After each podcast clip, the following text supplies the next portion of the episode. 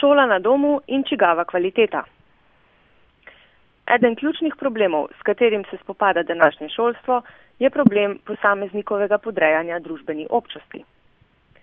Vsaka oblika socializacije kot formativnega procesa družbene reprodukcije posameznika s tem, ko ga formira, na nek način podreja družbi. Današnja šola je državna institucija, ki upravlja pomemben del socializacijskega formiranja, pri čemer naj bi zastopala družbeni konsens o formaciji, ki naj v njej doleti vse mlade državljane. V drugi polovici 20. stoletja se je zopr šolo napisalo nemalo kritične teorije, ki je opozarjala na njeno funkcijo podrejanja in prisile za uveljavljanje oblasti nad posamezniki. To vrstne teorije so pod vprašaj postavile ravno instanco družbenega konsenza, v kateri naj bi se odražalo nekakšno skupno državljansko dobro in izpostavile vedno že represivni značaj šolske družbene občosti. Asocializacija je pač protisloven proces. S tem, ko nas podreja, nam hkrati daje naš modus obstoja. Protislovnost možnosti svobode v podrejenosti je ključno družbeno vprašanje, ki se ne neha zastavljati in nima dokončnega odgovora. Danes se žal, niti kjer bi to najbolj pričakovali, ne zastavlja prav pogosto. In videti je, da je vsaj na področju šolstva kritika instanc družbene občosti izvenela predvsem v distanco ali celo nezaupanje do šolske družbene občosti. Vse, kar preveč očitno spominja na podrejanje posameznika, je danes povsod opazovano in obravnavano z veliko skepse. Tako je seveda tudi v šoli in njen problem z družbeno občostjo je predvsem ta, da je danes skoraj nihče več noče naravno zastopati. Zdi se, kot da bi si šola ne upala več biti šola, kot da bi jo moralo biti sram, da je institucija države in da se mora pri tem, ko izobražuje in vzgaja, opirati na nek splošno določen nabor sebin in pravil. Družbena občost kot skupnostni konsens, kot normativna raven skupnosti, kateri naj se formira posameznike, je danes tako rekoč tabu, o katerem in predvsem v imenu katerega noče skoraj da nihče govoriti. Videti je, da je v demokratični družbi individualiziranih posameznikov, ki je domnevno opravila svojo socialistično preteklostjo, vsakršni govor o skupnem in skupnosti le preostanek zastarelega in represivnega kolektivizma. Problem je, da zgolj zatiskanje moči, tako imenovana nevarnost, ki je ne želimo videti, odide stran le v štoparskem vodniku po galaksiji, kjer se v podobi hroščatega krvoloka, eh, eh, kjer se to pač ki sklepa, da če je mi ne moremo videti, tudi ona ne more videti nas. Socializacija je predvsem družbena reprodukcija, tudi če si posamezniki pri tem domišljajo, da je namenjena zgolj njihovemu edinstvenemu razvoju. Tudi v tem primeru reproducira določeno družbeno občost in vzpostavlja podrejanje določeni skupnosti, če tudi je ta skupnost sestavljena iz posameznikov, ki bi najraje obstajali drug mimo drugega. Represivnost pri tem ni odpravljena, družbena občost in skupnost, ki se pri tem reproducirata in vseeno vplivata na življenja posameznikov, pa sta lahko bistveno manj kvalitetni, kot bi ne mara lahko bili. No, kakor za koga? V luči aktualne poplave govora o taki in drugačni, predvsem pa s tržno konkurenčnostjo povezani kakovosti, bi bilo vprašanje o kvaliteti ne mara bolj kot zvezi specifikacijo njene vsebine zastaviti kot vprašanje, komu je namenjena ali krajše kvaliteta za koga. Kvaliteta družbene občosti je danes pod velikim vprašanjem. To se v zadnjem času najočitneje izraža v protestih proti celotni družbeni politiki in politični eliti ter v splošnem nezaupanju do državnih institucij. Na področju šolstva je preopraševanje kvalitete seveda stalnica, ki je del splošnega boja različnih političnih interesov. Če je na današnji situaciji v zvezi s tem karkoli posebnega, je to ne mara predvsem dejstvo, da se z diagnozo upadanja kvalitete javnega šolstva ali pa vsaj z idejo, da bi šola morala biti kvalitetnejša, pri nas strinjajo tako rekoč vsi. Vprašanje kvalitete se pri tem že nekaj časa zastavlja kot nezaupnica, ki se na šolski sistem naslavlja predvsem imenu posameznikove pravice do kvalitetnega šolanja. Če se lahko posamezna pojmovanja kvalitete tu sicer precej razhajajo, se zdi, da je večini skupno samoumevno privzemanje centralnosti posameznika in njegovega razvoja. Celo takrat, ko se na šolo ali univerzo apelira v imenu njene odgovornosti do družbe, se družbeno dobro na koncu tako ali drugače pogojuje z individualizacijo posameznikov. Primer, ki zelo dobro povzema ključne poteze sodobnega ukvarjanja s kvaliteto šolstva in nasploh s kvaliteto dejavnosti, ki najpogosteje pravimo vzgoja in izobraževanje, je primer tako imenovane šole na domu. Slovenski starši imajo, če o tem tako presodijo, pravico doma izobraževati svoje otroke. Otrok mora biti uradno upisan v šolo, a mu je ni treba obiskovati. Pouk lahko na domu poteka pod vodstvom zasebnih učiteljev ali pa kar staršev. Starši lahko pri tem izbirajo med uradno priznanimi učnimi programi, otroci pa morajo ob koncu šolskega leta opravljati izpite in v šolah dokazovati pridobljeno znanje. Jasno je, da je zakonska postavka, ki to vrstno šolanje omogoča, namenjena različnim primerom in jo starši lahko izkoriščajo iz mnogih različnih razlogov. Trditi, da je vsak posamezen primer del enovitega trenda, bi bilo nepreverjeno in precej pretirano. A na spletu je najti slovensko stran o šoli na domu, na kateri nas anonimno nagovarja skupina staršev, ki svoje otroke že šolajo doma. Namen te strani naj bi bil v prvi vrsti razbijanje tabujev o šoli na domu, pa tudi izmenjavi izkušenj, gradiva, informacij in podobno. Kolikor je videti, da sam govori v imenu večje in bolj ali manj enotne skupine, ki zagovarja isto idejno podlago šole na domu, jo lahko jemljemo kot izraz specifičnega trenda, ki gotovo ne vključuje čisto vseh primerov, a odlično ponazarja sodobno skrb za kvaliteto šolanja otrok. Trend, ki nas zanima, ni toliko domače šolanje otrok s posebnimi potrebami, ki bi imeli težave z obiskovanjem šole ali pa šole na domu iz praktičnih razlogov, ko bi se družine za to odločale zaradi službe staršev, potovanj ali oddaljenosti šole. Gre za trend, v katerem je to vrstno izobraževanje namenjeno predvsem navadnim otrokom in kjer se domača šola v primerjavi z javno utemeljuje kot kvalitetnejša in boljša za otroka. Starši, ki na omenjeni spletni strani predstavljajo šolo na domu, zagovarjajo najprej predvsem svojo možnost izbire, torej možnost, da se sami odločijo, kaj je za njihovega otroka najboljše in najprimernejše. Javna šola to po njihovem mnenju vsekakor ni. Argument v zadju, ni ga kalupa, ki bi bil primeren za vse. In kolikor je napad najboljša obramba, sledi še, Neodgovorno in neprimerno je zaterjevati, da je drugačen način šolanja, to je šola na domu, neprimeren, nepravilen, neustrezen ali da ga država sploh ne bi smela dopuščati. Kako zelo se motijo tisti, ki namenijo šoli na domu eno samo kritično besedo, lahko ugotovimo, ko si preberemo razloge za šolanje na domu, njegove prednosti in slabosti. Preden se lotimo posameznih razlogov, lahko izpostavimo, da je prednosti mnogo, od boljšega odnosa med starši in otroki, razvoja socialnih veščin, boljšega okolja, boljših možnosti razvoja otrokovega značaja, pa vse do akademske odličnosti, ki se, kot je zatrjeno, ne da bi bila ta odličnost opredeljena, tako rekoč nahaja v paketu in je skoraj zagotovljena.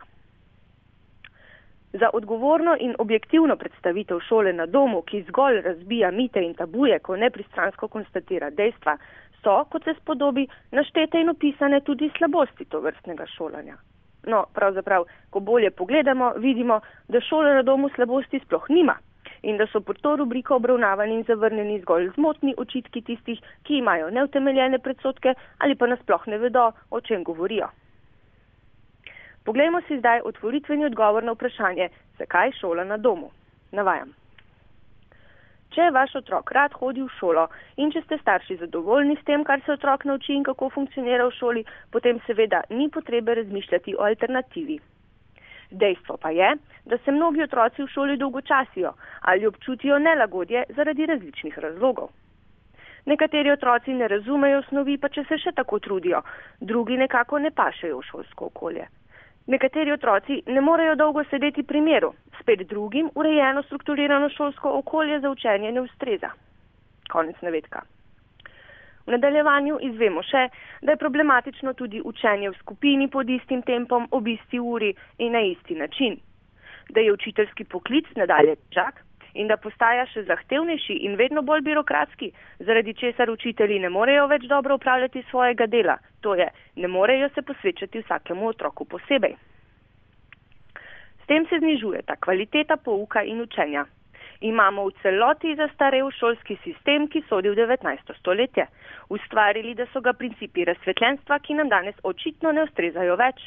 Danes, ko imamo mnoge možnosti dostopa do znanja, tradicionalni načini poučevanja niso več adekvatni. Šolska tabla, na primer, je sovražnik prvega reda, tipična za enodimenzionalen način mišljenja, ki ba je vlada povsod od osnovnih šol do univerze. Sodobni učenci potrebujejo fleksibilen urnik, prilagojen njihovim individualnim potrebam. V tej šolski tovarni se nihče dovolj ne posveča posebnim talentom in ustvarjalnosti otrok. Za nameček individualiziran učenec 21. stoletja avtoritete ne sprejema več avtomatično, temveč jo preizkuša z odklonilnim vedenjem. Ker šola tega odklonilnega vedenja očitno ne zna obvladovati, ga je vse več in zato je, kot izvemo, v šoli veliko tako imenovane negativne socializacije, s kateri prispeva predvsem odklonilno in zoprno obnašanje vrstnikov pripadnost vrstniški skupini, zato spodbuja upor, otroci posledično špricajo pouk in šola jih več ne zanima. Skratka, ne le, da ni dovolj kvalitetna, šola s tem, ko združuje množico različnih otrok, vsakega od njih izpostavlja še nevarnosti kvarjenja značaja in paca v skušnjavo zaradi tako imenovane negativne socializacije slabega zgleda vrstnikov. Gorje, gorje, saj to je zaskrbljenega starša tožba. Kako je razumeti to neznansko zaskrbljenost staršev, ki domnevno le razbijajo tabu o šoli na domu?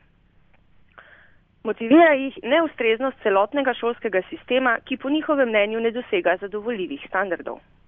Ne gre za to, da bi se zoprstavljali šolskemu znanju ali disciplini nasploh. Prej gre za to, da šola kot institucija ne zagotavlja dovolj kvalitetnega okolja in znanja. Videti je, da zaskrbljenim staršem kvalitet šole pomeni predvsem otroku prijazno izobraževanje, ki bi brez neprijetnih soočanj s pritiski vrstnikov, brez otroku neušečnega zgodnjega ustajanja, brez prilagajanja strukturiranemu in organiziranemu šolskemu redu, vseeno zagotavljala kvintesenco akademske odličnosti, znanje za 21. stoletje najboljše, najbolj individualizirano, najbolj otroku zanimivo in njegove osebne talente in preference, najbolj upoštevajoče znanje, s katerim si bo lahko ustvaril kar najsrečnejše in najbolj edinstveno življenje s trdnim karakterjem. Vse to očitno nudi šola na domu, ki za češnjo na torti otroka podreja le strani družbe neizvani in neokrnjeni starševski disciplini, ki pa je, kot vemo, vedno zgolj dobro namerna. Hitro je jasno, da ne gre za nezaupnico šolskemu sistemu v imenu skupnosti ali kakšnega skupnega dobrega, temveč v imenu takega posameznika, za katerega je kvaliteta šole odvisna predvsem od doseganja ideala individualizacije, prijetnosti šolskega okolja in možnosti starševskega nadzora nad otrokovim okoljem in dejavnostmi. Predstavljen primer spodbuja nemalo pomislekov, za katerih podrobnejšo obravnavo tu nimamo časa. Tako morda ni zanemrljivo, da si ob tem branju v vlogi zaskrbljenega starša najlažje predstavljamo predvsem podobo izobražene in zelo, zelo zaskrbljene slovenske matere.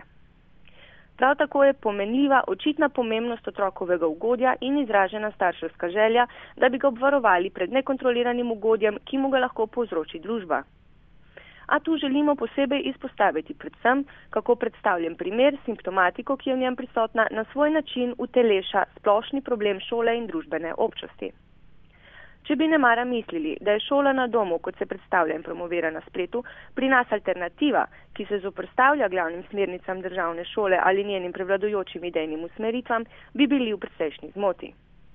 Idejni okvir domačega šolanja, kot ga predstavljajo zaskrbljeni starši, je namreč ne le popolnoma v skladu s prevladojočimi idejnimi trendi v sodobnem javnem izobraževanju, pač pa, pač pa predstavlja prav njegovo skrajno kristalizacijo je tako rekoč esenca sodobne izobraževalne ideologije, ki je del širšega ideološkega okvira družbe individualiziranih posameznikov, v kateri bi morali biti prav vsi posebne snežinke, ki v neskončnosti možnih izbir v svoji enkratni ustvarjalnosti popolnoma same ustvarjajo svoje življenje in zanj tudi same odgovarjajo. Če primer šole na domu, kot sama razglaša, predstavlja enega od možnih odgovorov na probleme sodobnega javnega šolstva, je treba izpostaviti, da je to odgovor, ki od ravni skupnega na nek način dviga roke. Če ravno motiviran z dobrimi nameni za dobrobit otroka je, če ga posplošimo v družbeni standard, nič več kot individualistična izbira po logiki vsak zase po svojih zmožnostih in predvsem, kar ni zanemrljivo, finančnih možnostih.